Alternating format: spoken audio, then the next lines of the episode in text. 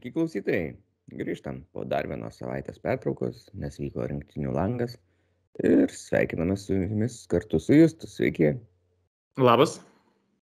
Jūs tai buvo rinktinių pertrauka, tu stebi šiaip rinktinių varžybas, tau jos įdomios, patinka? Kai yra galimybės stebėti, tai visai ir pastebiu, bet kadangi, tarkim, Vokietijos rinktinės rungtynės stebėti legaliai nelabai yra kaip, tai dažniausiai žiūriu kažkokias ištraukas. O vat ką stebėjau, tai Lietuvos varžybos abi. E, su Šveicarina jau net ir gyvai pasižiūrėti stadioną. Vis tiek daug Bundeslygos žaidėjų atvyksta. Įdomu pažiūrėti ir savo rinktinę, bet kartu pažiūrėti ir atvykėlių. Šveicarijos rinktinė tai mūsų laidos kontekste yra labai aktuali ten visas pagrindas rinktinės yra iš Bundeslygos. Na ir kaip įspūdžiai, rimtai žaidė šveicarai, teko pavarkti jiems prieš mūsų lietuvius ar nelabai? Pirmose 20 minučių gal kažkur, tai dar buvo toks, dar kai buvo dar apylygų, dar kai lietuviai daugiau ir turėjo progų išbėgti, gal tokių nieko pavojingo, tokio įspūdingo nesukūrė prie Zomerio vartų, bet uh, iki pačio smūgio buvo tų pavojingų momentų, bet esmė tokia, kad vis tiek šveicarai spaudė, spaudė, ten šačeris ten vos ne kosmiškai vos nepermetė ir vartininko ten užsukdamas kamalį, bet e, Šatkus gerai atmušė su galvo tiesiai nuo vartų linijos. Bet po to ten du buvo įvarčiai iš kampinių prasileistiem Embolo, kaip tik e, mūsų gerai pažįstamus, suleido su Šačyrio asistais. Ir e, po to tai baigėsi, dar Štefinas permetė po to ir Šetku. Čia dar trys įvarčiai buvo pirmo kelnio, link pirmo kelnio pabaigos. Nu, po to ten antras kelnys vis tiek jau tai buvo paprastesnis toks. Pačiam galė tik tai įsivežė dar įvartį. Jo. Mhm. Na, nieko tokio kažką įspūdingai baisaus, bet nieko tokio kažkas įspūdingai gero. Šiaip su Bulgarija buvo, geros varžybos. Lietuvos neveltui laimėjo, bet vis tiek smagu būna pasižiūrėti. O dar su Šveicarija, tai kas dar buvo tokio įdomaus, kad kol šiaip ten dieną prieš dar uh, ėjau kaip tik per katedros aikštę taip žiūriu, kažkaip buvo vidurdienis, gal kokia antra valanda, taip kažkaip tušia, beveik žmonių nėra. Matau daug vyručių, taip kokie gal šešis mėnesių vyručiai vaikšto mėlynai apsirengę, aš jau kažkas įtartina. Tada žiūriu, kad vienas tokio truputį didesnio sudėjimo, toks žemas, o jau kažkas panašaus į šakyrį. ir tada žiūriu, o, ten ir Vargas atpažįstu, ir Štefaną, ir taip žiūriu ir Rodrygėsą, ir ten vis tiek dauguma, kaip ir sakai, arba Bundeslygos žaidėjai, arba buvę Bundeslygos žaidėjai. Ir taip žiūriu, nieks jų čia net pažįsta, jiems čia ramu, jie gali mėgautis gyvenimu, aš net kažkaip nelabai norėjau net jų nuotraukos prašyti kažkaip, nes, nes norėjau susigadinti jiems tokios puikios nuotaikos. Nesinorėjo rimtai jokio parašo pasiimti? Ne, aš norėjau, aš norėjau, bet aš kažkaip pagalvojau, nežinau, kažkaip susidvėjau. Po to gal ir gailėjaus jau dėl to, bet buvo man vien smagu pažiūrėti, kad žmonės vat, gali savo realiai vidury Europos sostinės vaikščioti, atsipūti ir ten nieks per daug jos nekreipia dėmesio. Šiek tiek pailsėt nuo, nuo to dėmesio ir pabūt pasijaust paprastesniai žmonėm. Jo, o klasė tai vis tiek aikštėje, kai žiūri, tai nu, vis tiek, tu matai, kaip jie kamuolį valdo, ten pažiūrės, kaip e, tas pats Šakyris, kaip Embolo juda, kaip jie atsitveria, kaip dar mažai lėtymų, tas mes zomeris, vien kaip su kojom, visą, kaip vieną kelnį mačiau, kaip prie pat, kadangi matai tą zomerį, kaip jis juda, na, nu, matai, tokia ramybė tiesiog, nu, kaip, žinai, kaip ir nori, žiūri per kokį televizorių, tai va, tik tai gyvai, va, matai, kaip žmogus visiškai ramiai kontroliuoja situaciją, tu gali patikimai tą kamuolį bet kada siūsti ir jis ten jau paskirstis kaip reikia. Mhm. Jo, o pats Ambolo dar plius ir Bundeslygoje visai neblogą atkarpą jau sakėm žaidžia.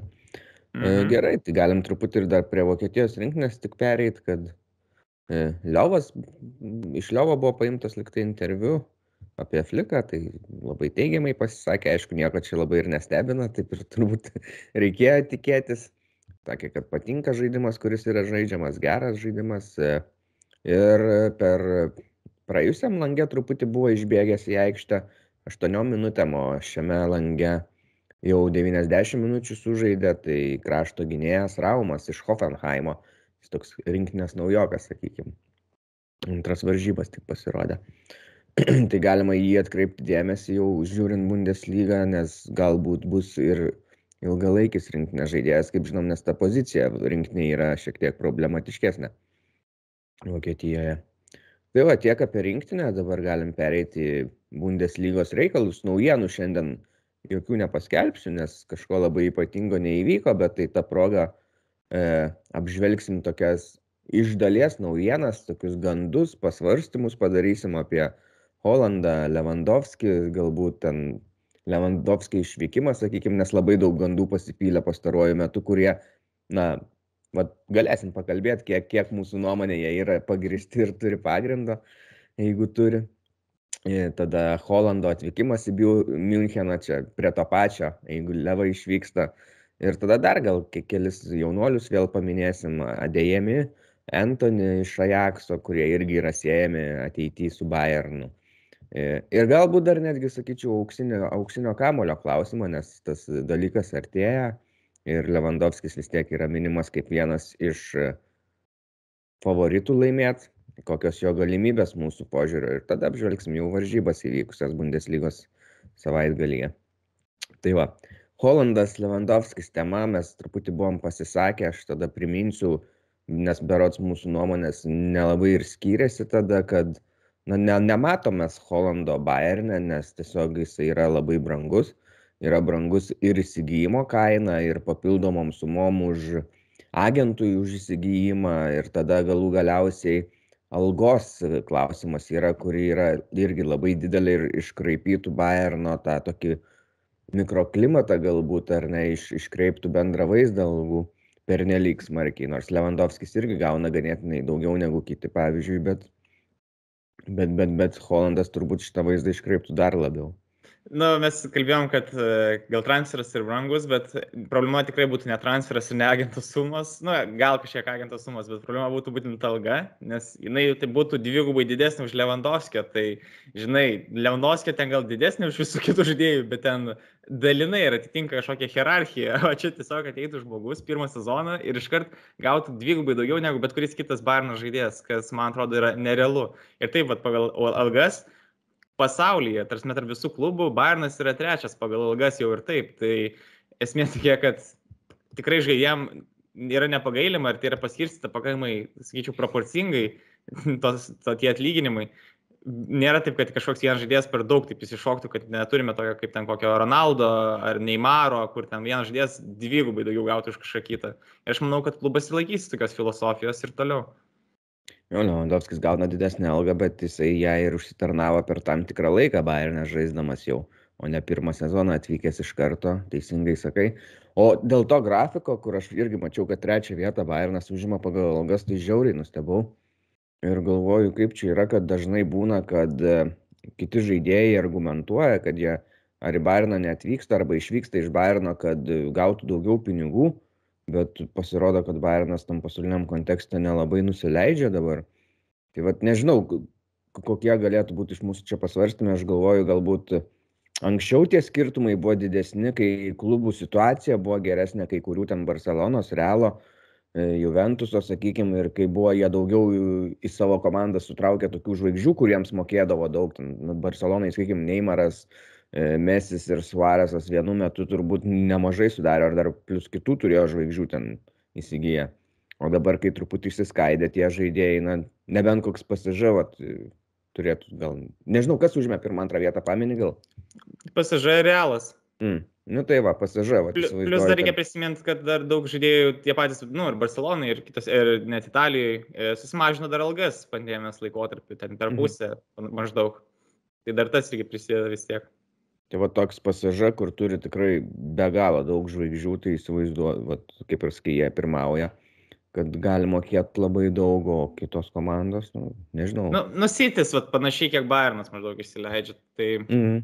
žinant jų strategiją, kaip jie perka žaidėjus, kad perka ne iškart žvaigždės, o jaunus talentus ir atitinkamai jų paskirstos lygimus. Manau, kad Bayernai irgi tas yra, kad labai proporcingai yra išskirstytos tas algos. Tikriausiai nėra tokio žaidėjo, kuriam būtų per mažai mokama, taip tiesiog, tiesiogiai. Ten būna kartais, kad kai pasirašo žaidėją, kuris dar irgi yra jaunas, perspektyvus, ten kažkada, man rodos, su Kimichu gal buvo panašiai, kad jam pačioj pradžioj moka nu, pakankamai mažai ir jisai per staigiai progresuoja, pasiekia tą aukščiausią lygį starto žaidėjo, nekeičiamo netgi, bet tada Bayernas e, tą sutartį greit persirašo, padaro naują ir tada nu, ta suma pasiekia jau normalią, sakykime, sumą. Jo, ir dar plus dar galime minti, kad Bairnas pandemijos laikotarpiu nei vieno žaidėjo neprašė net mažinti algos, jinai kokie buvo, tokie ir liko. Tarsi, jis buvo finansiškai stabilus ir sveikas net ir pandemijos sąlygomis. Tai, na, tai čia vokiškų klubų tvarka, tas finansinis tvarumas visai kitoks yra, Mhm. Tai va, tai mes netikim to Holando ateimu, bet e, Bet Kadangi- vieniem, kad žaidėjas tikriausiai būtų pagal savo stilių, braižą geriausias, kas įmanoma pakaitalas Lewandowskiui, bet finansiškai tai yra neįmanoma. jo, ir tada jeigu mes vis tiek turbūt ir netikim tuo, kad e, jisai galėtų žaisti dar bent vieną ilgiau sezoną Dortmunde, tai reiškia, Bayernas turėtų pasimti dabar, na, po šito sezono. Ir tai reikštų, kad ir Lewandowskis tada, na, kaip ir neliktų Bayerne, nes išsikreiptų ta schema, for, formacija žaidimo, kuri, prie kurios yra pripratęs Bayernas ir kurios nekeičia daug metų. Tai Lewandowskio išvykimas, tai va tie gandai buvo paskatinti būtent dėl Holando Vokietijoje.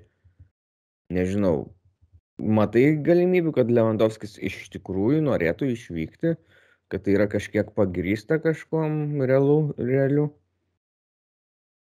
Vienintelė atveju, dėl ko aš įsivaizduoju, jis galėtų išvykti, tai nebent jeigu jis norėtų kažkokį savo įvaizdį arba marketingą vystyti kitoj valstybei. Šiaip, Šiaip daugiau- labiausiai Mhm. kas yra minimas, koks klubas, tai yra Madridas. Ir man šiek tiek keista, nes Madridas lyg ir buvo susikoncentravę jau į Mbappės įsigijimą.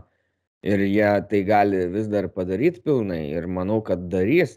Tai jeigu yra įsigijamas, tai ar tikrai tada ir Lewandowskis ten dar matomas, tai kažkaip abejoju. Man, aš tai labiau matau kitą problemą. Žinai, Mbappé su Lewandowskiu sudėti ten nėra problemos. Plus Mbappé jau nuo vasario galės bet kuris klubas pasirašyti be, be jokios sumos, tiesiog e, kaip lai- laisvai agentą.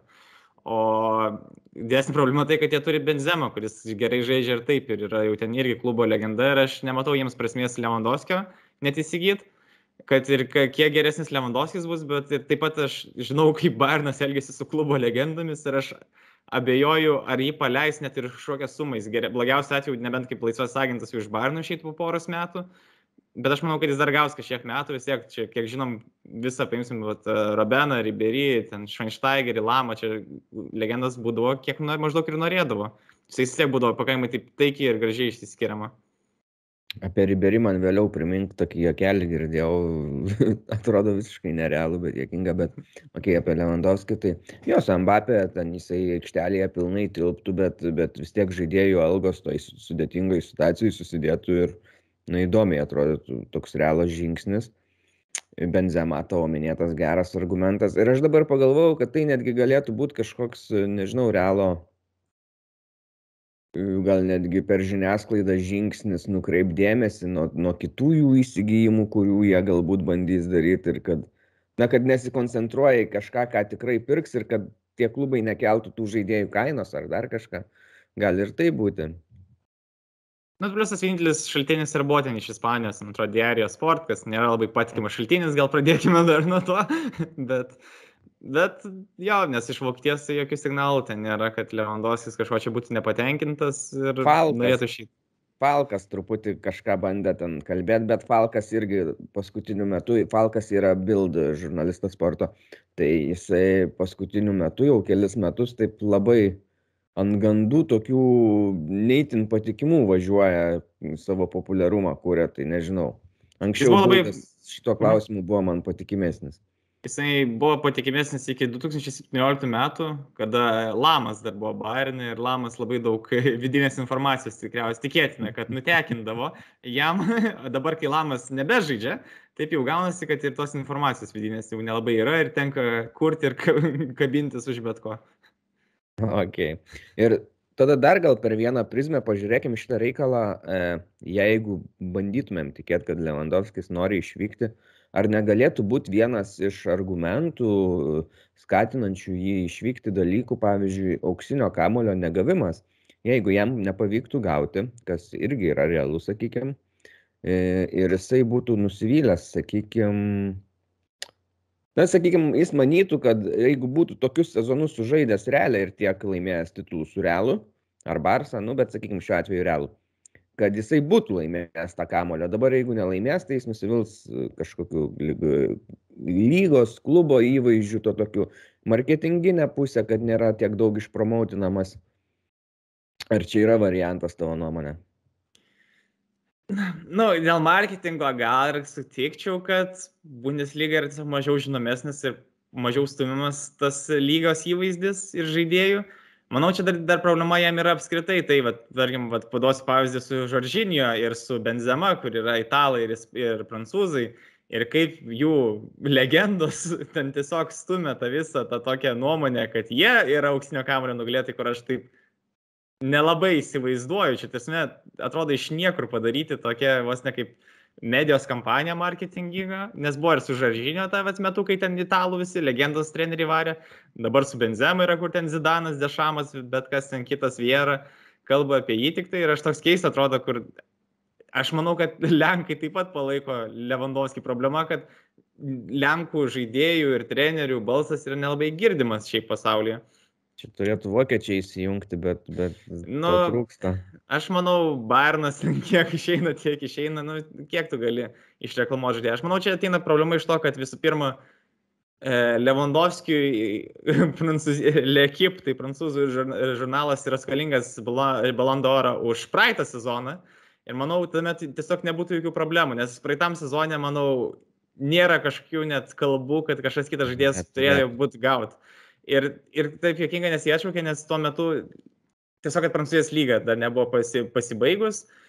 Aišku, ten atšaukė dar anksčiau, visą kitą, bet atrodo taip labai jokingas sprendimas, kur visos lygos sugebėjo pabaigti savo sezoną, viena lyga nesugebėjo ir dėl to atšaukė apdovanojimą su labai aiškiu nugalėtoju ir nežinau, visą nors tikėti, žinai, kad jiem ką nors ateityje įteiks už tą sezoną kažkaip, bet nežinau tai ateina tada tokie argumentai, kad žmonės po to pradeda vertinti šį sezoną kaip dviejų sezonų sumą, kad už 20 ir 21 ir tada Lewandowski teikti. Bet šiaip, jeigu įvertinant tik šiuos metus, aš manau, Lewandowskis turėtų būti antras vis tiek, kažkaip labai didelis svoris yra dedamas už rinktinės, kas yra paskima su rinktinėmis ir vis tiek, žinant, Mesio šiaip ne tik, kad statistiškai jis per daug nenusileidžia, nu, įvarčiais taip, bet jis turi daugiau rezultatyvių perdavimų ir šiaip kiek prisideda prie būtent pavojingų situacijų kūrimo, plus kai jis laimėjo Copa America dar.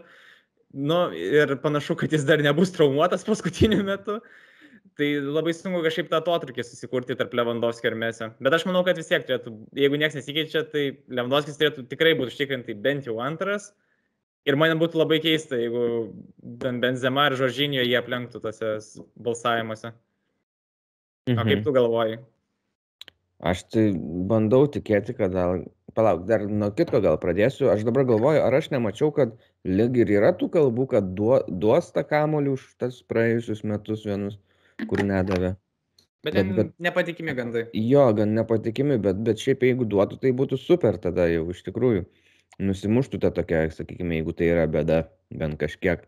O kalbant apie va, dabartinius rinkimus šių metų, tai jo rinktinė yra problema bet aš galvoju kur yra tas balansas e, kur galim vertinti individualų žaidėjo pasirodymą nes renkam geriausią žaidėją ir kartu su komanda nes na lenkijos rinktinė tai ne argentinos rinktinė ir tai irgi reiktų turėt turbūt omeny vertinant nes yra buvę praeity tų tokių atvejų kur e, žaidėjas su komanda laimi viską ir turi gerą sezoną ir yra tarp top trijų tų var, e, kandidatų, bet nelaimi. Ir laimi ten, sakykime, ar Mesis ar Ronaldo, kur su komanda tiek nieko nelaimėjo, bet irgi individualiai gerai sužaidė. O dabar, kai yra iš kitos pusės, va, taip, tai mes vis tiek, sakykime, linkstam vėl į Mesio pusę, na, ne mes, spauda ir panašiai. Tai va tas balansas, ar čia nėra labiau į tą asmenį tiesiog, kaip kad Mesis ar Ronaldo sukoncentruotas, o ne į realų pasirodymą. Nu, bet kokia atveju mes žinom, kad tie rinkimai yra nu, kažkiek politika, nes tie balsavimai tai ten būna ojoj. Nu, matai, problema tai, kad e, vidutinis futbolo treneris ar futbolo žaidėjas nežiūri daug futbolo ir tada visai kitaip yra kaip suprasta. Bet aš, nu, vis tiek, žinai, aš tai vis tiek pritarčiau, kad jeigu niekas nepasikeičia, nu, mesio sezonas buvo labai geras. Nu, tiesiog, jo kartais tie individualūs lygis, ką jis daro net neįmant tų statistikos, kad, žinai, įvarčiai rezultatus perdimai yra tiesiog kosmosiniai. Ir aš, tarkim, net ne, va, tarkim, jeigu įmint Ronaldo, aš net nematau nei to 5 net už praeitą sezoną, ir jeigu jį čia ištems, jį nebent pavardė kažkaip. O vat, Mesas tai dar, tu, dar tą sezoną tai labai galingą turėjo. O rinktinių, žinai, mes jeigu pradėsime vedinėti kažkokius koficijantus už rinktinės, labai sunku yra apskaičiuoti, kiek skiriasi galingumas su rinktinės. Aš esu matęs ir tokių atvirkštinių, jo labai jokingų argumentų, kur žmonėms Aubameyangas, koks gali būti geriausias polėjas, nes jisai žaidžia už Arsenalą, kuris yra ten proporcingai daug paprastesnė komanda. Jis ten būna tarp top scorerių Premier lygos, nu tva reiškia geresnis už Lewandowski, nes tai pasipresnė lyga su prastesnė komanda ir muša daug įvarčių. Nu tai žinai, ten atsiranda viskiausių išvedžiojimų tada, kur jokingų, nu aš toks. Jo, kažkokį balansą reikia atrasti vis dėlto. Jo, mes individualūs, tie statistika šiemet buvo tikrai labai gera, bet pats, nežinau kaip pasakyti, kontekstas man Surinkti ne jo, jis ten paėmė titulą, tai super, bet e, klubuose tai toks, nežinau, tas jo žaidimas, nu, įmušė, nuosistavo, bet kažkokios ten, kad labai didelės reikšmės, man atrodo, ne, netrodė tiek daug. Aišku, būtų buvę dar tragiškesnis Barsai sezonas, prae, pabaiga sezono praėjusio, jeigu mes nemesis. Matome, mes matome, kaip dabar Barcelona žaidžia. Jo, nu bet tai ten kompleksiškos bėdos, labai jų daug ir skirtingų yra. Nu, nežinau, Debriuinė galim pasidžiaugti, kad Debriuinė papromautino Lewandowski ir sakė, kad reiktų duoti Lewandowski. Bet, va, bet žinai, bet Debriuinės argumentas buvo va, tas va, toks įdomesnis, kad kadangi nebuvo praeito metų Balandoro, jis tas skaičiuoja už pasirodymus už dviejų, dviejų metų laikotarpį. Jis taip argumentavo ir tai man atrodo dar Dimarcijo, tai e, italų žurnalistas taip pat argumentavo ir maždaug gali būt kad ir tai gali šitiek surinkt kažkiek daugiau palaikymo nes žmonės gali vertint dviejų metų laikotarpį. Dviejų metų laikotarpy levandovskis yra geresnis. Jo. Nu pernai dar labai prisidėjo kad tą miulerio rekordą pagerino tai irgi šiek tiek nuvilnijo per pasaulį kad tiek metų buvusį rekordą tiek įvarčių primušė ir pagerino Dar matai, kas, kas va trūkumas, kad žinai, kad praeitą sezoną realiai Barnas laimėjo tik tai, nu, šiais metais, nes čia e, apdovanojimas yra skaičiuojamas ant kalendorinių metų. Tik prieš šios kalendorinius metus ką Barnas laimėjo? Bundesliga, Vokietijos super taurė ir pasaulio klubų čempionatą. O tas čempionų lygos ankstyvas gal iškritimas dar kažkiek pakišo koją, dar manau, būtų gal geresnis praėjimas į kokį pusfinalį, finalą, gal kitaip būtų viskas dar irgi atrodę. Bet, pavyzdžiui, nu, okei, okay, Jorginio. Ar tu nuoširdžiai manytum, kad tai ne. yra geriausias šiuo metu žaidėjas pasaulyje? Nu, nieko. Ne. Ne, tai jis, aš manau, kad jis pelnytai gavo tą apdovanojimą už Europos, nes jis laimėjo du Europos čempionatus, bet kad geriausias žaidėjas žaidėjas, aišku, ne. Ir žinai, tu supranti, kad vat, komanda laimėjo čempionų lygą, komanda nacionalinė laimėjo Europos čempionatą, super, jisai buvo labai svarbi tos abiejų komandų dalis. Labai. Bet kad geriausias, nu, mm, ten žinai, jeigu įmestum tą tokį panašaus tipo, panašaus lygio žaidėją, tai tos komandos, man rodos, nei viena nebūtų sugriuvusios vietoj ir be jo, žinai. O tokių yra žaidėjų. tai, nu, ir tas jo iš... Nu, aš suprantu, tai yra duoklė už, jo, už titulus ir vien ir čempionato geriausio žaidėjo išrinkimas ten Donarumas, tai parodo, kokia ta Italijos rinkinė, jinai visi tokie apylygus, be, be vieno visiškai iškaus lyderio netgi. Taip, nu, nežinau, gal. Tasme, aš tai manau, čia nėra dėl ko perėmė, aš, aš tikrai abejoju, tasme, jis bus aukštai reitinguose, bet aš abejoju, ar jis, nu, laimės. Aš manau, kad jis pelnytai laimėjo tą valandą, kurią... Pateks bent jau jisai pelnytai tikrai laimėjo tą JOFA, kur yra metų žaidėjų apdovanojimą, nes tiesiog, kadangi jis yra teikiamas už Europos turnyruose. Ai, tu apie Jurginį, aš apie Lewandowski dar. apie Lewandowski dar? Ne, aš norėjau, ne, aš Ai. dabar tik tai, kad, kad kai turėtų patekti top 5, tai pagalvojau, kad tu apie Lewandowski ir tada įsiterpiau, kad, sakau, ne, top 3 privalo. Ne, ne, aš apie Žoržinį, nes, mhm. nes nu, tarsi, žinai, smagu, tarsi, tikrai aš e, džiaugiuosi, kad atsiranda kartais ne vien puolėjai tose sąrašuose, kad va, buvo smagu, kaip Vandaikas ten realiai labai per plauką ten su mesiu ten varžėsi, nes kartais atrodo kitos pozicijos truputį nuvertinamas ir jas yra sunkiau vertinti, nes tu jas jautri vertinti ne vien pagal įvarčius ar rezultatyvius perdavimus, bet ir visą kitą, kaip kamulio progresija, presingavimas, kamulio tėmėjimai, perimai, nu visą kitą. tai vad. Jo, šiek tiek gal situacija keičiasi gera, kad yra įvertinima, aišku, tai yra ir tų dviejų žaidėjų jau nuėjimas po truputį nuo senos, tai turi turbūt įtakos, bet ateis nauji polėjai labai galingi, Hollandas, Mbappé, dar gal atsiras keli. Tai, tai matysim, kaip toliau rutuliuosis visi šitie reikalai. Aš tik mačiau kažkada dar juokelį, kad ten renka, rinkdavo kapitonai, treneriai, man rodos, ir žurnalistai liktai, ar ne? Taip, Tai kad sakė, kai, kai Mesis ar Ronaldo baigs karjerą, tai jie dar ten porą metų iš kokių Azijų ar Afrikų, tai dar balsuos už juos gal. ten, žinok, visada būna smagu pasijungti, nes tu gali kiekvieno žmogaus, kuris balsavo, e, pažiūrėti tą balsavimą. Ir man visada būna linksmas, tas Šrilankos balsavimas, nu, ten būna kosminiai, ten, kur Trentas Aleksandris Arnoldas pirmas, Obomiangas antras, Lewandowskis trečias. Tarsi tais metais, kai aš, tipo, aš tik tokie lempiniai būna parinkimai, tokie, aš taip net nu, labai pramušant juoku. Labai ten bloga sistema, žiūrint iš va, to, tokio kampo. Gerai, auksinį kamuolį palikim nuo šaly, tada dar e, galim paminėti, kad e, vėl pasirodė tų gandų, kad e, kai jau kalba apie Holandą, Lewandowskį, tai dar ir paminim visą laiką porą mažesnio kalibro, sakykime, žaidėjų, tai, kurie galėtų atvykti vėl į Bayerną. Tai buvo tavo minėtas e, ankstesnėse laidose Adėjami, vokietis žaidžiantis Salzburgė, polėjas. Tai šiaip gan, gan geras žaidėjas, žaidė ir už Vokietijos rinkinę dabar vėl langė. Ir šiaip ką rekomenduoju, tai šiandien Wolfsburgas žais prieš Salzburgą. Tai bus galima pažiūrėti šitą jaunuolį, jeigu esat kas dar ne, nematė, nesusipažinę, tai pažiūrėkit, nes kalbama, kad jisai tikrai jau kitais metais nori atvykti į Bundesliga. Ir klubai, kuriuos galėtų atvykti, aišku, yra Dortmundas, Leipzigas ir Bayernas pagrindė. Ir kitas jaunuolis, tai galėjom kitą pamatyti vakar, Anthony iš Ajaxo.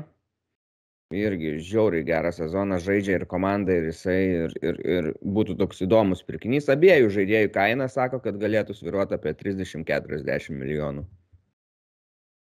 Mhm. Jo, tai aš buvau užmiršęs paminėti Antonį, kai kalbėjom apie Komano pakaitalą, nes Antonis mhm. tikriausiai būtų geriausias, kas įmanoma, jeigu Komanas paliktų komandą ir būtų parduotas. Jo, kaip minėjai, ir sezonas geras, ir žaidimo braižas, jis toks net vakar tą kairę gražiai užsuko prieš Dortmundą. Prasme, vakar Ajaxas buvo tiek geresnis už Dortmundą, kad aš net nežinau, ten Dortmundai dar, dar, taip sakyčiau, gerai išėjo su 4-0 baigti varžybas. Gerai, aš, aš jau Aš jau matau, kad tada einam į čempionų lygą. Na dar jeigu nori, galim pakalbėti kažką, ar tu nori apie... Ne, tai čia va, tiesiog, kad Edėjami gali žaisti abiejose turbūt pozicijose ir krašte, ir centre polimo, o Antonis tai labiau krašte. Jis grinai vingeris. Adėjami realiai pagal braižą, jeigu reikėtų lyginti su žaidėjais, man toks kaip Timo Werneris, kur gali iš krašto judėti pastoji į centrą, jis turi visai gerai uždaro tas progas. Tai realiai toks vat, būtų vat, įdomus perspektyvus variantas. Jo, tai vakar žaidė du Vokietijos klubai čempionų lygoje, abiem nepasisekė smarkiai. Smarkiai, sakau, nors, pavyzdžiui, Leipzigo rezultatas tai nėra baisus, 3-2 pralaimėjo pasiža klubui. Leipzigas buvo... vakar gerai žaidė. Visai. Žiūrėk, aš tau paaiškinsiu situaciją, kaip man buvo. Aš žiau Dortmundą. Mhm. E, tada, kai jau praleido tris įvarčius, antram kelnyje, aš, ai galvoju, nu, tiek to žinai, Ir e, Leipzigas tada žaidė 2-1 pirmavo. Ir aš įsijungiau Leipzigą. Tai žinok, nuo to momento man Leipzigas tikrai nežaidė gerai. Prieš tai aš įsivaizduoju, kad buvo visai, turėjo būti neblogai, aš po to santrauką pažiūrėjau ir ką treneris kalbėjo žaidėjai, tai, tai jie labai pozityviai po varžybų atsiliepė apie save. Ir aš supratau, kad ten turėjo būti visai kitoks vaizdas, nes tai, ką aš mačiau, tai man tiesiog eilinį kartą įsijungus Leipzigo varžybą čempionų lygoje tiesiog nervas ėmė ir, ir tiek. Nes ten... vaikiškos klaidos, biškis spaudimo gavo iš karto, e, kaip šitas amerikietis, man rods. E, Adamsas.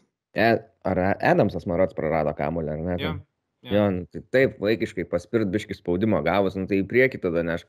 Ne, atgal kažkur iš šono visai nuo Angelinio ir nusivarė ramiai kamuolį ir įmušė tą įvartį. Nu, nežinau. Aš, aš tai manau, gynybai aš... klaida, kur buvo 11 metrų baudinys, irgi Simakanas, kam reikėjo tą ranką taip nusistumtą žaidį. Ne, ne, ne, ne taip, o taip iš priekio net laikė, nu, irgi nepatyrimo tokia klaida. Nu ir dar po to dar vieną, šiaip tarp kitko gavo baudinį, kurio neįmušė Mbappé, bet tai rezultatas turėjo būti realiai 4-2 jau. Buvo arti to. Mm, pražanga irgi, na, ten. Na, nesakyčiau, kad ten jau tada baisi klaida, bet, bet vėl nepasiskei, kamolį normaliai nesužaidė, per kojas perėjo ir viskas. Nu tai daug individualių klaidų, bet manau, tai neturėtų būti, kaip sakant, komandinis kažkoks problema. Aš tai matau gerai, kad jie vėl perina į tą trijų gynėjų liniją. Angelinio geros varžybos, du, du rezultatyvūs perdavimai, labai gerai užkilti kamoliai. Ir aš manau, kad jie tegul bando palaikyti šitą braižą, koks yra, nes e, kad ir pralaimėjo, bet aš manau, čia labiau lėmė tiesiog individuali žaidėjų klasė. Aš kai stebiu PSG, kaip žaidžia, ten, man atrodo, jų pasinės varžybos visos tokios ir būna nešvarios, kur realiai kažkoks Mesio, Mbappės ar ten Neymaro stebuklas pratraukė tas rungtynės kažkaip. Mm. Nes ten man irgi netrodo labai stipriai komanda pagal jų saugulinės, bent be Veračio ten saugulinė atrodo labai tragiškai. Jo, va čia galim dviprasmiškai vertinti turbūt, kad, okei, okay, pridarė klaidų Leipzigas, bet tu, kaip, kai matei pirmą pusę, kad jie neblogai žaidė, tai parodo iš dalies pagerėjusi jų žaidimą, bet kartu ir pasažė tą tokį neužtikrintumą vis dar. Nes, nes, nes praleido du įvarčius nuo Leipzigo, patys įmušė du įvarčius po totalių klaidų, tai va, susitikus prieš stipresnį klubą, tai jiems turėtų būti nemažai bėdų. Prasme, Aišku, tai... City ją įveikė, kas turėtų būti stipresnis klubas, bet, na, pamatysim playoffuose dar. Bet City ten gerai žaidė, ten labai daug irgi nesėkmių jo. buvo. Prasme, čia dar viską aš gali pasikeisti. Aš manau, čia problema man tiesiog gal iš... Gerai, gal nekalbėsiu tiek daug apie PSG, bet šiaip Leipzigas, aš manau, kad atėjęs labai prastos formos buvo šitas varžybos ir aš labai tik, tikrai tikėjausi, kad Leipzigas čia daug blogiau, daug blogiau šitose varžybose pasirodys, negu jis pasirodė, aš turėjau tokių expectationų. Aš galvoju, kad Dortmundas geriau pasirodys, tarkim. Dėl to man Leipzigas vakar truputį paliko geresnį įspūdį, lyginant šitos du klubus vokiečių. Nu, dėl pasižą, tai aš tiesiog labai turiu dviejonių dėl trenerio, kiek jis ten ilgai išbūs. Tiek, baigiu. Nu, jeigu taip Atvirai klausimas, kiek ten treneris. Bet okei, okay, palikim tą pasažą. E, Leipzigas, Leipzigas, kaip sakiau, labai ramiai reagavo jie spaudos konferencijų interviu duodami po to po varžybų. Maršas tai iš vis e, per varžybas atrodo iš geriausių vietų atėjo pa, pa, pažiūrėti varžybų, atsisėdo ramiai ir, ir prasidėjo. Tai man labai buvo neįprasta iš jo nes jis toks emocingas treneris yra. Bet bet šiaip e, keitimus darė tik kiek mačiau tai tokius neblogus ir kai padarė ant pat pabaigos tuos keitimus tai likus tom keliom minutėm leipcigas buvo na užspaudęs aišku pasažai ir patys pasirinko tai kad turi apsigint bet bet buvo užspaudęs ir tokių smūgių link vartų darė. Ir forsbergas išėjęs ir pulzenas bandė tą kamuolį pagauti užsikabinęs aukštai buvo keliami jam tie kamuoliai bet na nepasisekė tu gal daugiau tada apie pirmą rungtynių pusę, kurią tu matėjai, o aš nemačiau. Tai kad ten nėra ką daugiau pasakoti, tiesiog labai gražiai, sakau, va, būtent Angelinio atsiskleidė, va, buvo smagu pamatyti, kai jis, jam nereikia ten varg gynyboje tiek daug, jis gali išnaudoti savo kairę koją ir abu, nu taip tobulai užkelti kamuoliai tiesiog ir Silva atsidarė sąskaitą čempionų lygoj. Ir dabar galvoju, kas ten dar antras mušė, dabar nepamenu, Mokėlė, man atrodo, Mokėlė. Mokėlė. Jo, tai atrodė tas visai, visai taip užtikrintai. Jie turėjo tą pranašumą, bet antram kelinį mes du įvarčiai dublis pervertė varžybas. Keista buvo, kad trečio, to antro baudinio neleido mušti mesiui, nes būtų įmušęs hetriką, nu, bet turbūt buvo taip susitarę, kad viena aš, viena tu. Tai taip pasidalino, man čia buvo keista, kad jis mušė savo pirmą 11 m baudinį, nes aš kažkaip jau buvau irgi kažkaip galvojęs, kad ten jau bus Mbappės. Galėjo būti gal. tai va, e, šiaip jo, kai Leipzigas dar laiminėjo 2-1, aš jau čia pradėjau skaičiuoti, čia gal 3 taškai, tai čia jeigu dar po to apsižaidži kokią briugę, dar ten kažką, nu jau gal, gal ir įmanoma kažką čia. Deja. Leipzigas tikrai dabar nemanau, kad absoliučiai kokiu nors šansų turi toj to antroje vietoje. Jau mes praeitą kartą sakėm, kad neturi, dabar tai jau tikrai turėtų neturėti jiems geriausia atveju Europos lyga, bet aš ir tai nežinau, kaip jiems seksis. Aš manau, jiems būtų naudingiausia tiesiog į, į Vokietijos sezoną koncentruotis tiesiog ir kažkaip gelbėtis į tas čempionų lygos vietas. Gal mm. pokalį laimėti kaip nors, dar ką nors. Nu. Gerai, tai tada Dortmundas, Ajaxas, mm. varžybos buvo gan laukiamos, aš jas ir pasirinkau žiūrėti, nes tikėjausi, kad bus daug įvarčių. Jų ir buvo bet e, truputį kitaip aš būčiau prognozavęs kokį rezultatą. 2-3 į bet kurią pusę. gavos 4-0, tai nežinau, greit sumušė, aišku, tas pirmas įvartis toks nepasisekė, Aun golas Reusas įsimušė, tai ką padarysi. E, Holandas debutavo, grįž, nu, turėjo prieš tai traumą, aišku, prieš tai jau Bundeslygoje debutavo, bet nedebutavo, grįžo po traumos, tai, tai, tai, tai buvo tų vilčių, nes Malenas, Roisas, Holandas, Brandas pradėjo varžybas, tas toks palamasis maigalys, bet nepasisekė. Kad, nu, kaip sakyt, nepasisekė, nu jos tiesiog apžaidė. Aš tai šį vakar draugui rašiau, kad į vieną kasą muša ir viskas, nes e, visiškai nepalaikė kamulio praktiškai, Ajaxas kontroliavo varžybas, e,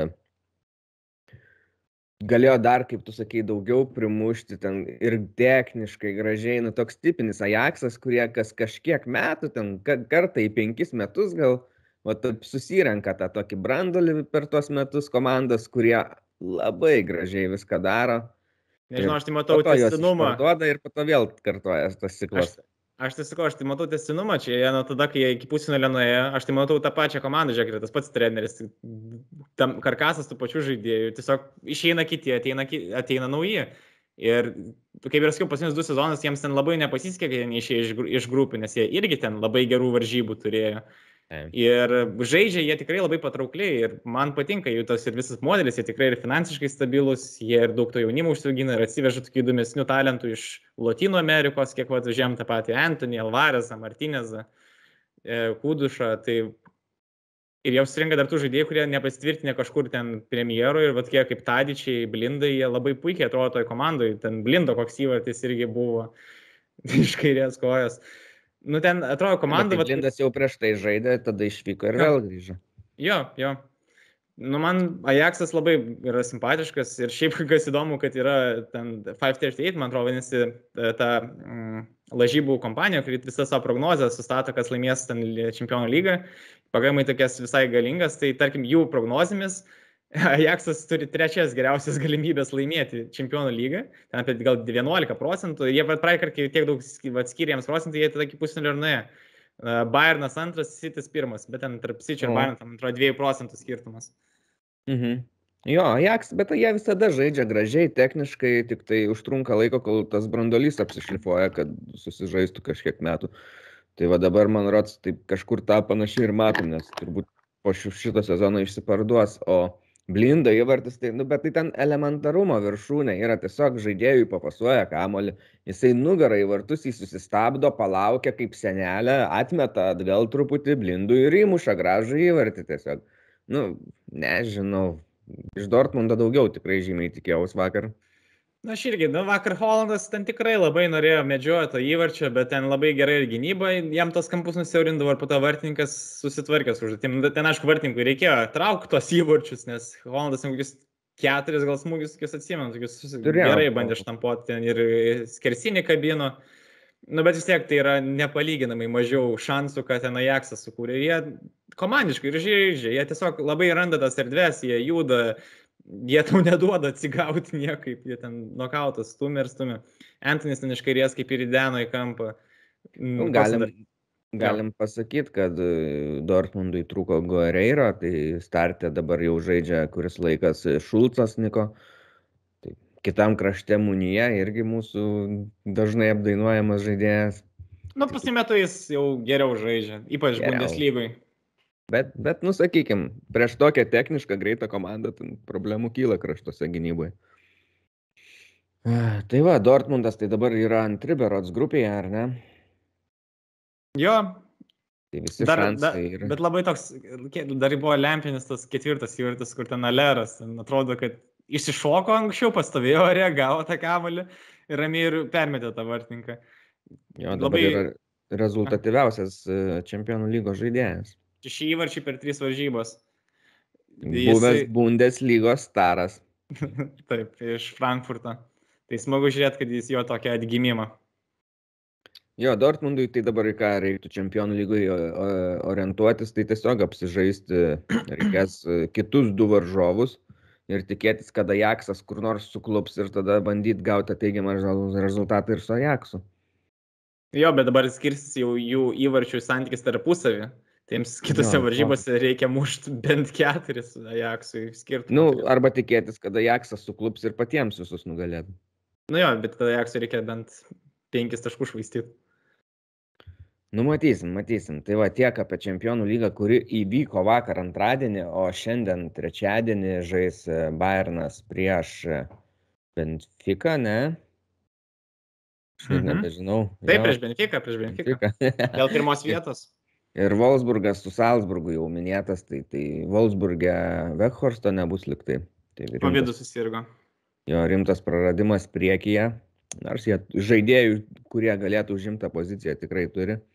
Bet e, Wolfsburgas šiokią tokią, sakykime, krizę išgyvena bent jau taškų prasme ir Bundeslygoje, tai bus įdomu pažiūrėti. Nes Salzburgas šiaip irgi, lab, man netgi šiek tiek primena Ajaxą, nes nu, irgi tokį greitą, technišką žaidimą žaidžia. Malonu akiai labai žiūrovams, neutraliems tai turėtų labai patikti. Man tai Zalzburgas tos grupės yra, net, man tai, na, nu, iš žaidimo jų man jie yra akivaizdus favoritai tos grupės. Nežinau, man tos trys, ten, žinai, Sevija, Wolfsburgas, ten Lilis, ten galės draskytis, bet man atrodo, Zalzburgas ten net gali ir pirmą vietą pasimti šitoje grupėje, taip Gali, gali. užtikrintai.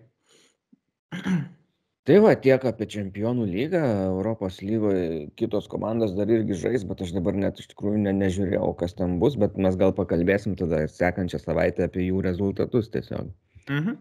O Bundeslygoje tai galime ir pradėti tada nuo tų, kurias aptariam komandas, vat Wolfsburgo ta, sakykime, krizė, šiokia tokia. Žaidė jie e, šį savaitgalį prieš e, Unioną, pralaimėjo, pralaimėjo 2 2-0. Šiaip, mm, ką galima išskirti, aš šitų varžybų nežiūrėjau, bet po to vėliau prasisukinėjau, pažiūrėjau svarbiausius momentus, kas vyko aikštėje. Tai Unionas žaidė namuose. Ta galim pasakyti, kad apskritai į Bundesliga grįžo žiūrovai turbūt ar ne dar. Pilni stadionai.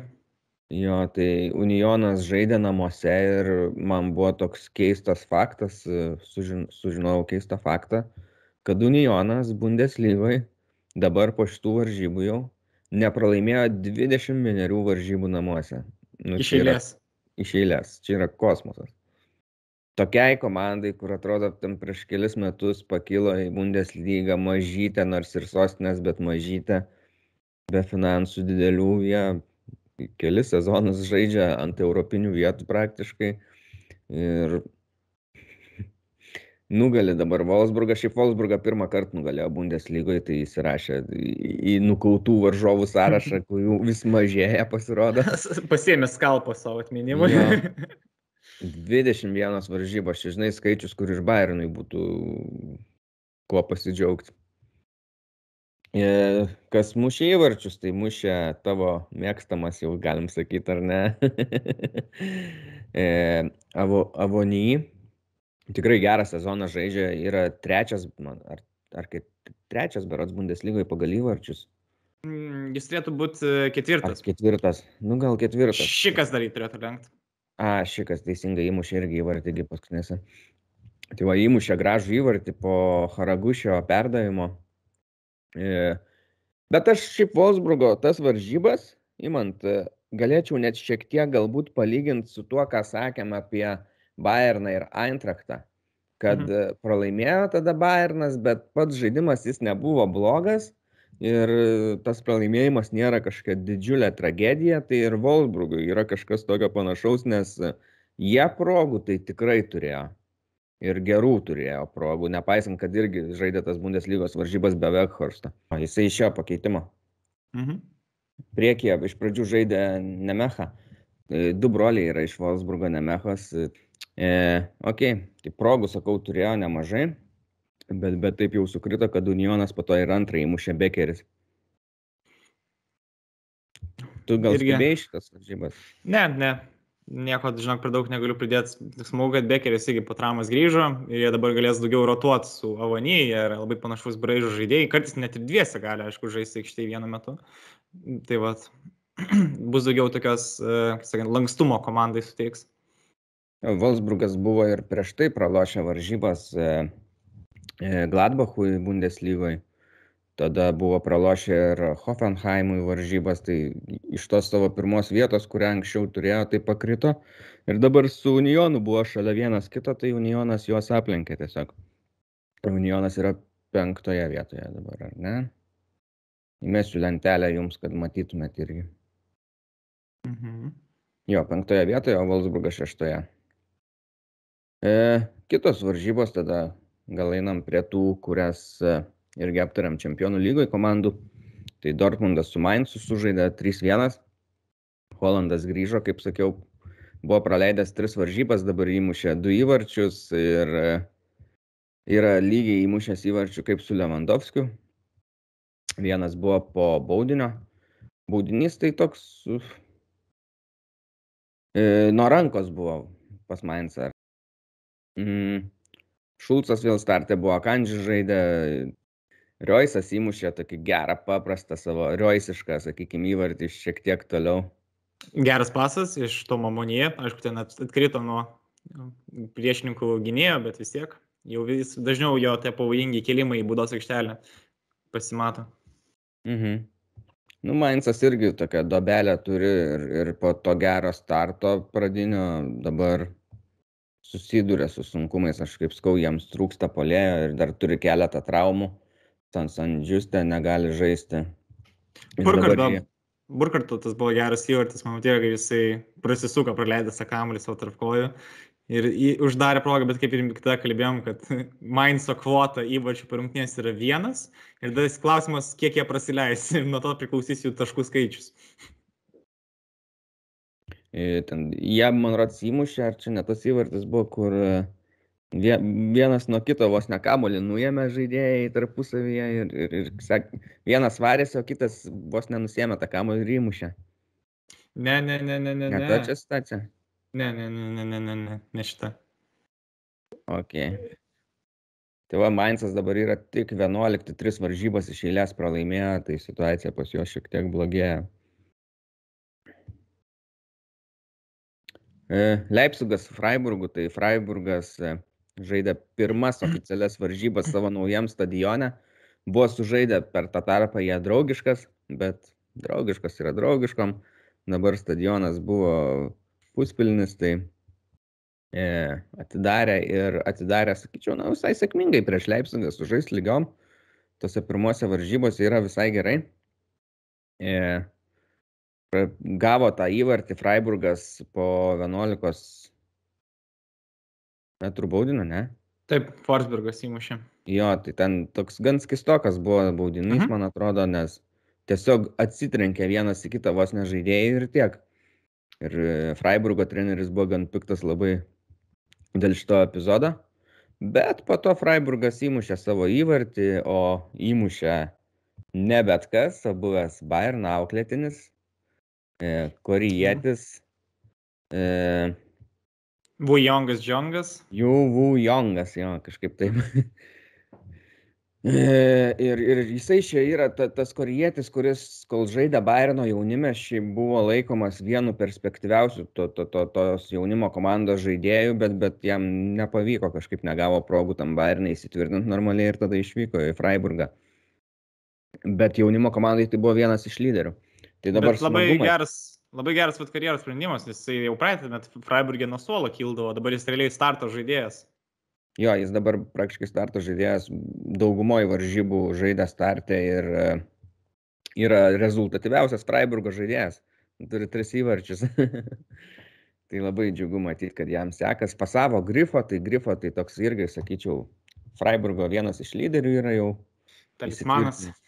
Taip, tai, tai, tai Freiburgas juda smagiai. Ir šiaip ką galim išskirti, kad e, šituose varžybose Freiburgas galbūt net ir buvo labiau verti pergalės. Leipzigas ten pradžioj turėjo daugiau progų, bet po to Freiburgas kokias ten kūrė ir, ir štangą pataikė nuo štangos į vartininko nugarą vėl ten, tada per vartų viršų nuo vartininko, nu, progų buvo gausiai.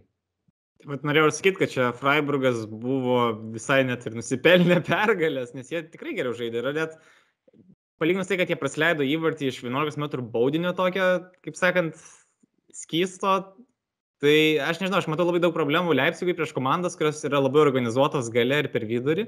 Nu, jiems labai sunku jos yra kažkaip sukurti jiems progų, jeigu jie negali permesti ten staiga visos ten linijos gynėjų ar apibėgti ant tų žaidėjų. Kad ir kiek jie ten su tais kulniukais kurs, bet nieko jie ten neuždaro. O vat, Freiburgas tai turėjo daug progų, jie ten du kartus skirsinius kabino ir, ir virpstus. Tai, tai jo, skaičiau visai gerai pašventę. Kamuolį kontroliavo. Taip, Taip, ten kuo toliau, to atrodė prašiau Leipzigui tose varžybose. Tiesiog jau atrodė, aš jau visai buvau pradėjęs tikėti, jau kai žiūrėjau tas varžybas, jau buvau tikėjęs, kad jau Freiburgas laimės tas varžybas tiesiog. Na, tai Leipzigo treneris ir geltoną kortelę gavo. Buvo, kaip sakant, už ką nervintis. O šiaip įsijungus sudėti, žiūrint Freiburgą, tai iš tikrųjų atrodo, iš kur pas juos tokie rezultatai, na, okei, okay, ten yra grifo, e, būna šalajus, koks bet dabar liktai ant traumos buvo, ar ne? Ne. Šalajus. Jis žaidė, žaidė. Salajus žaidė. Žaidė. Mhm. Gal ne ant starto tik tai aš dabar neprisiminsiu tiksliai. Nu, ir tie kiti žaidėjai, nu, Šloterbekas, okei, okay, yra Günteris, o Günterį būtinai reiktų paminėti, nes tai, tai tikrai lyderis, kapitonas komandos, bet visi kiti tai tokie, nieko tu apie juos kažko smarkiai negali pasakyt, grinai vidutiniokai Bundeslygos, bet komanda sustatyta, jie žino, ką turi daryti, treneris turi savo sistemą ir visą tai veikia panašu. Vidutiniokai Bundeslygos tai čia nėra blogai. Esmė, kad jie atlieka savo reikiamas funkcijas. Ten Šmitas, Linhartas, gynėjai vis tiek susitvarko savo užduotim. Normaliai gali žais ir tą, kaip matom, net futbolą ir su kamoliu. Čia nėra komanda, kuri vien sėdi ir ant kontratako bando nubausti savo varžovus. Ne, tai nėra blogai vidutiniokai, bet tie vidutiniokai šiuo metu yra ketvirtoje vietoje su 16 taškų, tik trim atsilieka nuo pirmos vietos Bayerno. Vienintelė komanda, kuri dar nepralaimėjusi Bundesliga. Labai būtina, gerai, kad paminėjai, nes čia yra būtina tai paminėti. Ir nedaug tokių komandų Europoje liko, Freiburgas viena iš jų, tai yra kosmosas po aštuonių turų. Aš taip džiaugiuosi, kad e, kai buvo, man labai buvo liūdna, kai atėjo žinias, kad gal Štraichą ten į Vokietijos rinktinę norės kviesti, taip toliau, tai aš tik galvoju, ne, prašau, nejudinkit tik šito trenerio, jis jau ir taip čia, jau, nežinau, čia tas treneris, kuris yra vienintelis, vad, konstanta, kas ir yra iš sezono iš sezono, tu vis tiek tą patį veidą matai, tu matai jo futbolą, tie patys, realiai vos net brandali žaidėjai tas pats, ir smagu, jie duoda rezultatą, dabar tiesiog tas rezultatas yra aukštesnis negu įprastai. Jo, tai va, tiek o Leipzigas, tai va, su pastrigimais, pastrigimais, bet jau paskutiniu metu po truputį kapstas link to viršaus yra aštuntoje vietoje su 11 taškų, tai kažkaip iki to ketvirto dasikapstyti turėtų turbūt per, ilgi, per iki, iki sezono galo. Na, aš kažkaip net nebejoju tiesiog, kad jie išsikapstys. Nu, tiesiog negali jie su tokiu žaidėjų lygiu likt žemiau ketvirto. Na, aš nežinau, man čia būtų stebuklas, realiai. Aš nežinau. Taip. Ir maršo galva liektų tikrai už tokį dalyką, nes, nu, negalima, tiesiog. Nežinau, čia turi realiai, tu turi komandą netobulint, o realiai žingsneliu atgal pastumt, kad tai įvyktų. Yeah. Kielnas su Hoffenheimu susitiko, tai vad Leipzigui kylant į viršų, vat, kai kurios jau po truputį krenta, Wolfsburgas, Kielnas, nes Kielnas pralaimėjo 0-5 tam Hoffenheimui. Šitose varžybose jau prieš varžybas tikėjausi irgi nemažai įvarčių, nes abi dvi labai gerai gali pulti. O Kielno man ir gynybinė linija nelabai patiko tą dieną. Ir, ir neklydau, tik tai tiek, kad pats Kielnas nieko neįmušė. Bet Hoffenheimas žaidė puikiai, o tos klaidos gynybai kokios buvo, tai žaidėjas e, vos ne po atakos, po užspaudimo e, kamolį sus, susistabdo prie šoninės linijos, šalia yra priešininkas, kuris jį spaudžia ir jis jį neišspiria lauk, neišspiria į priekį, o spiria link vartų ir gan silpnai spiria, nu, absoliučiai nesuprantamas sprendimas, man atrodo, ir ten ramiai Hoffenheimo žaidėjas pasigauna, ore susistabdo, kamuolis spiria gerą smūgį, bet neįmuša. Tai visą laimę Kielnui, bet, bet va tokios klaidos visų varžybų metu lindo ir ten Hoffenheimas su savo greitais polėjais kaip Kramaričius ar Beobu narstė per tą gynybą ir, ir, ir susimušė tos visus savo įvarčius 5-0. Jo, ten Kramarčius ir smūgiavo, aš progą, kur neįmušė, kurie ten, ten balioną paleido jam dovanų. Labai jokinga, kad po to rodo Kielno kažkurį, man rodos, trenerį, gal net vartininkų ruošimų, kuris laimingas sėdi šypsos ir tipo vos ne, o matai, kaip parengiau trenerį, tą vartininką atlaikė, bet kad ten nu, gynyboje situacija tragiška, tai... Na čia buvo prašiausias Kielno varžybos šį sezoną.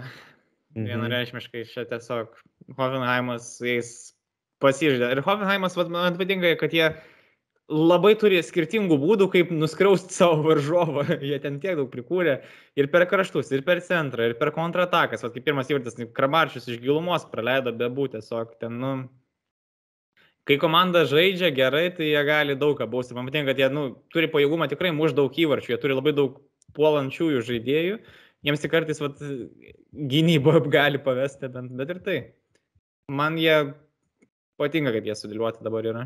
Kokioje vietoje? Septintoje dabar pozicijoje, ne? Ar aš to reikia pasižiūrėti lentelę? Devintoje. Nu gerai, tarkim, jie turi lygiai taškų su, Ho su Leipzigu, nu, bet man šiuo metu Hoffenheimas geresnį įspūdį palieka negu Leipzigas su savo žaidimu. Aišku, pas juos dabar negalėjo žaisti gynyboje Hornas, kuris ten na, cementuoja, reikia manyti, tą gynybą. Lyderis komandos. Bet, bet, bet jo, Hoffenheimas ten kas norėjo, tas mušė. Keturi skirtingi žaidėjai įmušė įvarčius ir gynėjas įmušė. Pošas ir Raumas asistavo, pavyzdžiui. Tai... E, Kramaričius dabar e, yra pirmas Bundeslygoje pagal rezultatyvius perdavimus, jau šešis turi. Įvarčių, man atrodo, jis turi tik vieną ar du. Taip įdomus, dabar toks tampa labiau kūrinčio plano žaidėjas. Na, tai ten, kai turi tokį potencialą, irgi polime, tai vis pasimainai, pasimainai ir nustebini priešininkus, bet jo, gerai kūrė Kramaričius. Tai va, tokios varžybos buvo, man rodos, ai, buvo Bayernas. Nu, žadėjau sakyti, kurias visas matėm, bet ne, Bayernas su Bayeriu dar yra tikrai. E, Bayernas netikėtai lengvai 5-1 laimėjo prieš Bayerį. Ar tikėjai tokios lengvos pergalės, tokio rezultato? Aišku, kad ne. Vis tik aš nesitikiu, visada būna tokie rezultatai. Aš tikiuosi, kad ten gerai sulups, tai dar būna ten pralaimėjimai. Aš galvoju, ar čia šitos varžybos labiau parodė, kokia yra praraja tarp e, Bayerno ir ten, sakykime, kokios, nežinau, trečios, ketvirtos komandos. Nes, nu, okei, okay, Bayeris buvo kartu pirmoji vietoje su Bayernu, bet mes vis tiek laikom ją geriausiu atveju kokioje ketvirtoje vietoje bendram kontekste. Tai ar čia tokia didžiulė praraja, ar tiesiog Bayernas galbūt iš tikrųjų yra na, nesveikos geros formos ir nesveiko pajėgumo dabar, nes Bayerną šiuo metu tai laikyčiau turbūt geriausia Europos komanda taip.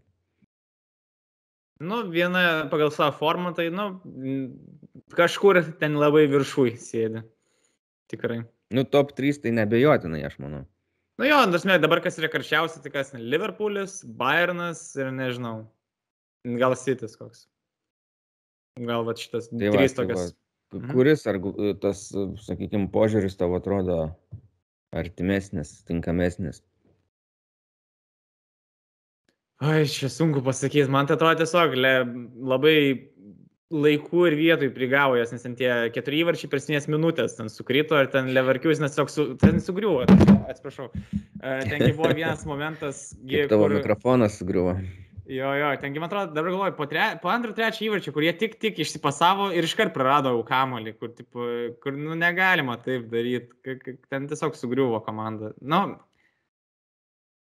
vaidint, kad nėra prarajos tarp ketvirtos komandos ir pirmos irgi, nu, negalima. Nu, tikrai žaidėjų kokybė visose pozicijose yra geresnė Bayernė. Tarsi, čia galim neslėpti šito. Ar,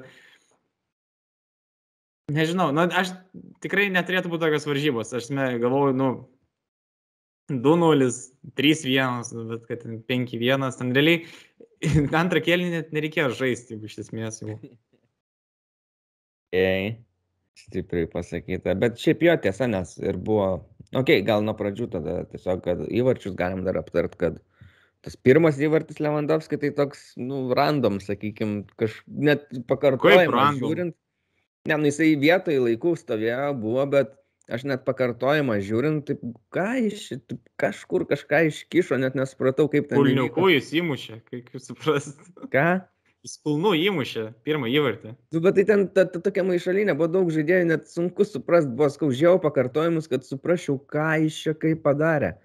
Nu, nežinau, man tai pirmas įvartis atrodo gerai, nes ten buvo išžaistas uh, baudos smūgis ir labai buvo pratingai pasirinkti, nes uh, čia tikrai buvo specifiškai keltų Pimekano, kuris bėgo tolino vartų ir jis įkėl, į, įleido tą kamalį būtinai jam į kojų lygmenį.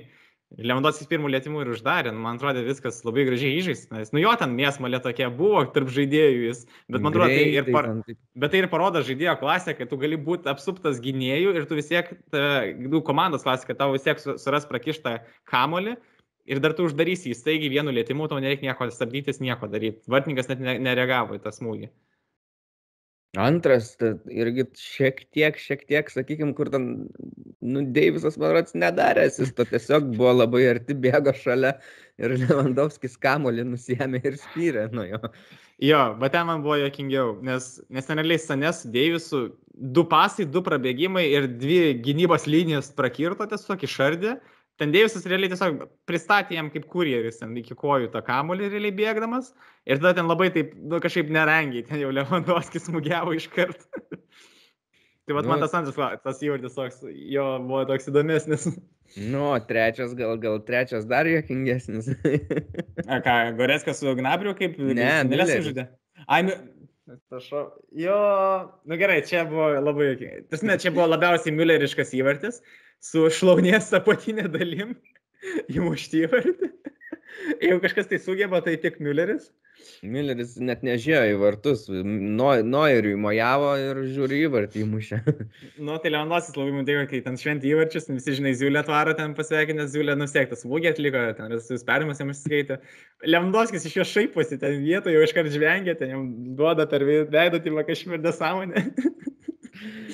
O, o, o vėliau jau sekė gražesniai įvarčiai irgi tokie jau. Nu, Gnabrio buvo patys geriausi įvarčiai. Ne tai, kad gražesniai galbūt, bet tokie jau, matai, kad čia įvarčiai, žinai, padaryti jau, o ne ten a, per mėsmalę kažkur iškišta koja, iš, į, įmušta į vartus kažkaip keistai. Tai Gnabri dublis buvo geras, e, e, e, e, e, e, abu du geri įvarčiai, ne? Mhm. Kuris tau labiau patiko? Sakyčiau, man pirmas labiau patiko tik vien dėl to, kad ten nebuvo atimtas kamuolys taip staigiai iš Leverkusino, nes ten labai simple, ten labai prastai, man patiko tiesiog, ką Goreskai numetė pasą ir toliau bėgo savo trajektoriją, nieko nestabdydamas ir Goreskai jam prakyšo tą kamuolį. Labai atrodė taip gražiai atidirbta.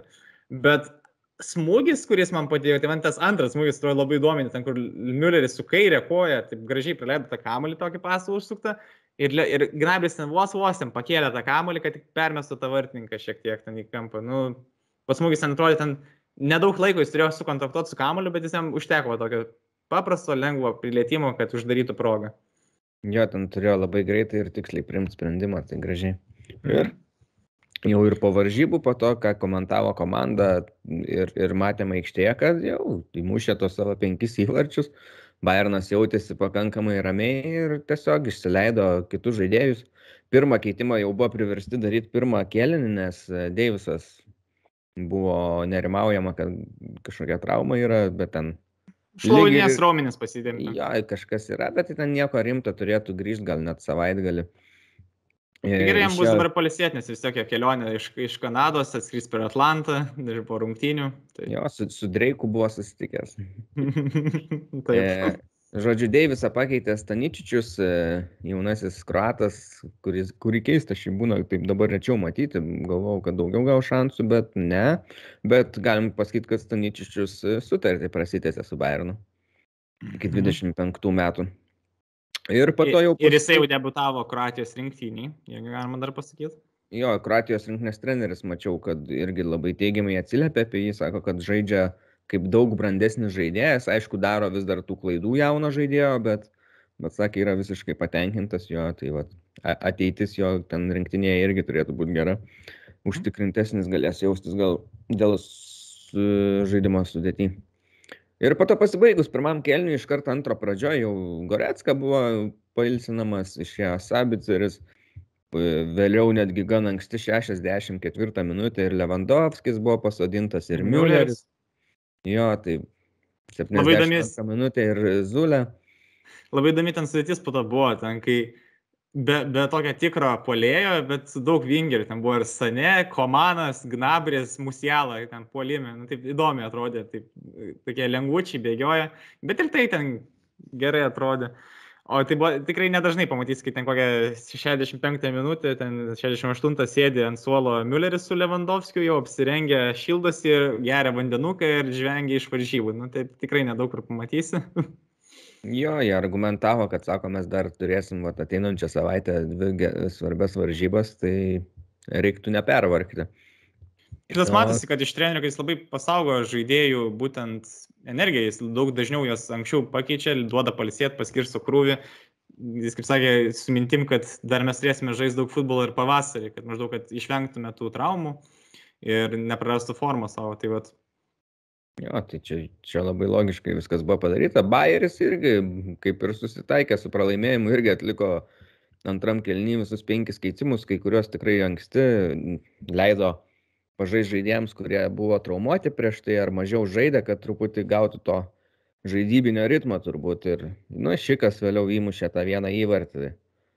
Ir gan neblogą įvartį, bet... Geras smūgis buvo. Nieko, nieko nebereiškia ir nieko nebejaudina, tik tiek, kad, vat, šikas irgi išsilaiko tuose e, žaidėjų, kurie daugiausiai įmušė įvarčių Bundeslygoje sąrašuose. Nu, Virtas ne, ne, ne, ne, taip, e, mėnesio Bundeslygos žaidėjas išrinktas buvo. Į rezultatų perdamą ir šikas net liūdniausia, kad nešventė savo įvarčio, va čia man buvo liūdniausia. Įmušė tą. O... Dar jie turėjo dar ten porą progų tokių, bet ten Lenoiris atliko savo darbą, kaip visada. Pelnytai laimėjo, sakai, mėnesio lygos žaidėjo titulą. Nu, o kam tu norėtum jį duoti daugiau? Aš jam ir būčiau davęs, aš manau, aš kad pelnytai tik tai tiek, kad šiaip e, kompanija tai buvo stipri to mėnesio, ne, Ankunkų gerą turėjo mėnesį. Jo, aš manau irgi, kad Virtus pelnytai laimėjo. Tik tiek, kad Ankunkų formą, žinai, galima sumaišyti, kad galvot, kad gal net geresnė buvo, bet ten jisai dar gerus rezultatus spalio pradžioje demonstravo. Tai Jisai dar ir spalį, žiūrėk, figūruos, manau, jeigu sužais dar ger, gerų varžybų kelias. Čempionų lygoje dar matai, ne vien Bundeslygoje jis gerai žaidė. Taip. O aš manau, labai didelė klaida buvo padaryta treneriuko su Leverkusenu. Jie žaidė be atraminio saugo. Jų, tarsi, saugų linija buvo Demirbajus ir Amiri. Atrodo labai kūrybingas vidurys, jau čia užpuls, užspaus, bet esmė tokia, kad jie žaidė be kamulio ir jiems reikėjo gintis ir jie neturėjo labai daug saugų, kurie yra specifiškai pritaikyti ir būtent specializuosi toje gynyboje ir jie turėjo daug tokių polėjų, kur, ale, kad mes čia kažkada, nežinau, kažką kūrybingo sukurstė, nušpulstė, nežinau, kontratakų nubaus, nu bet čia labai blogai pasibaigė jiems, nežinau. Mano tokia nuomonė. Tiek apie turbūt tą savaitgalį, dar kurias nors varžybas stebėjai pats, aš tai jau daugiau nebe. Galiu, vad Gladbachą su Štutgartu žiūrėjau, Mhm. Man Gladbachas žiūrėti tampa sportinis interesas, aš nežinau, man, aš negaliu ramiai žiūrėti varžybų, man ten, jie kaip žaidžia, aš nežinau, jie negali ramiai sužaisti varžybų kažkaip. Jie ten praleido įvartim pagamai anksti nuo Mavropanos, o kaip minėjai, kad Štutgartas vien gynėjais muša iš esmės šį sezoną. Ir jie ten daug kažkokių ypatingų progų daugiau neturėjo Štutgartas. Bet Leverkiu šitas Gladbachas atliko 30 smūgių, apskritai visi gynėjai, išskyrus vartininkas, atliko bent pusmūgį, prasme, net visi gynėjai smūgiavo, tik tai, aišku, ne visi į vartų plotą, tas ir problema jų buvo, kad jie į vartų plotą nesugebėjo pataikyti tiek daug kartų, Hoffmano geras įvartis, bet irgi toks, kur iš būdos aikštelių prieigos atšoko kamuolys ir uždarė. Nu, jie ten bandė, bandė kurt, bet atrodo, jau ten jau tiek trūksta, atrodo vieną lietimą, dviejų ir jau toj bus ten jau laisvas kažkokia proga ir taip labai yra, nežinau, pikta žiūrėti, tai atrodo, jie turi tą kamerą kontrolį, jie ten išardo, jie priešų vidurį ir tada būdos aikštelė kažkokia nesąmonė daro, aš nežinau. Aš mačiau Mavrapano tą įvartį, tai iš toli labai įmušė tokį gynėjas gerą. Jo, jis iš, iš kokių 25 metrų jis tam mušė tam tikrai. Palį žemę paleido. Tai va, Adi Hateris vis dar, vis dar trūksta kažko trupučiuką jam. Nu taip, bet aš matau jau visai neblogą Gladbachą, jeigu taip iš tikrųjų. Bet ypač kaip jie prieš Wolfsburgą atrodė, tai buvo pasaka. Gerai, tai kiti rezultatai. Augsburgas 1-1 sužaidė su Arminija, čia tokių neįdomių, neišskirtinių komandų dvikova buvo. E, tada Eintraktas pralaimėjo 1-2 Hertai. Glaznerio kėdė vėl po to sėkmingo pra, praėjusio turo vėl truputį dega, nes Hertą jie, sakykime, galėjo, turėjo įsiveikti, nes tai yra varžovas, na, įveikiamas pagal savo pajėgumą. Tai čia Freddy Bobičius, aišku, triumfuoja. Šiaip nepaskaičiau jokio interviu, vat, reikės pažiūrėti, nes jį tai tikrai turėjo kalbinti nemažai vėl šitam mače. E, mhm. e, e, e, Fiurto Greuther 0-1 pralašė kitiems naujokams Bochumui. Ir viskas, kitas varžybas aptariam. Galim nebent pažymėti, kas mūsų laukia naujam savaitgalį, nes čempionų lygos šiandienos varžybos jau irgi truputį apkalbėjom. Esi jau nusimatęs, kas stebėsi savaitgalį. Ne, tai klasika, kaip visada, Bayerną pasižiūrėsiu. Bayernas Hoffenheimas, tai čia net ir nežiūrint tai, kad Bayernas gera dvikova bus. Wolfsburgas, nu, Freiburgas va, turėtų būti irgi, nežinau, ar vaizdas aikštai bus įdomus, bet šiaip geros varžybos. Jo, bet jas vienu metu vyks, tai va tas, at, mm. nebent įrašą žiūrėt. Um, Vakarinės. Aš tikrai, ži, ži, žinant mane, tai aš tikriausiai Gladbachą vis tiek kažkaip pasijungsiu, pasižiūrėsiu. Tai va vakarinės man... bus Gladbacho su Herta. Ir gal atidomu, dar gal Kielnas su Leverkusenu kitą dieną. Aha, sekmadienį ten, ten vėl gali būti įvarčių. Jo. Jau Na. kur Kielnas žaidžia, ten man dažniausiai atrodo, kad bus įvarčių. Nesvarbu, ar jie patys muša ar ne, bet... Jo, aš tu kartą su Unionu, tai ten toks, ne, 1-0, 2-1, ne, bus. gal, gal ir pas Unioną tada gynėjai ten pradės mušti. Ne, bet jau matai dabar išvyko žaidžia, tai ten truputį kitaip. Gali ir pralošti, nesusigadins. tai va, tiek, tiek šią savaitę susitiksim kitą, nežinau, pažiūrėsim kurią dieną. Ir iki kitos savaitės, iki. Iki.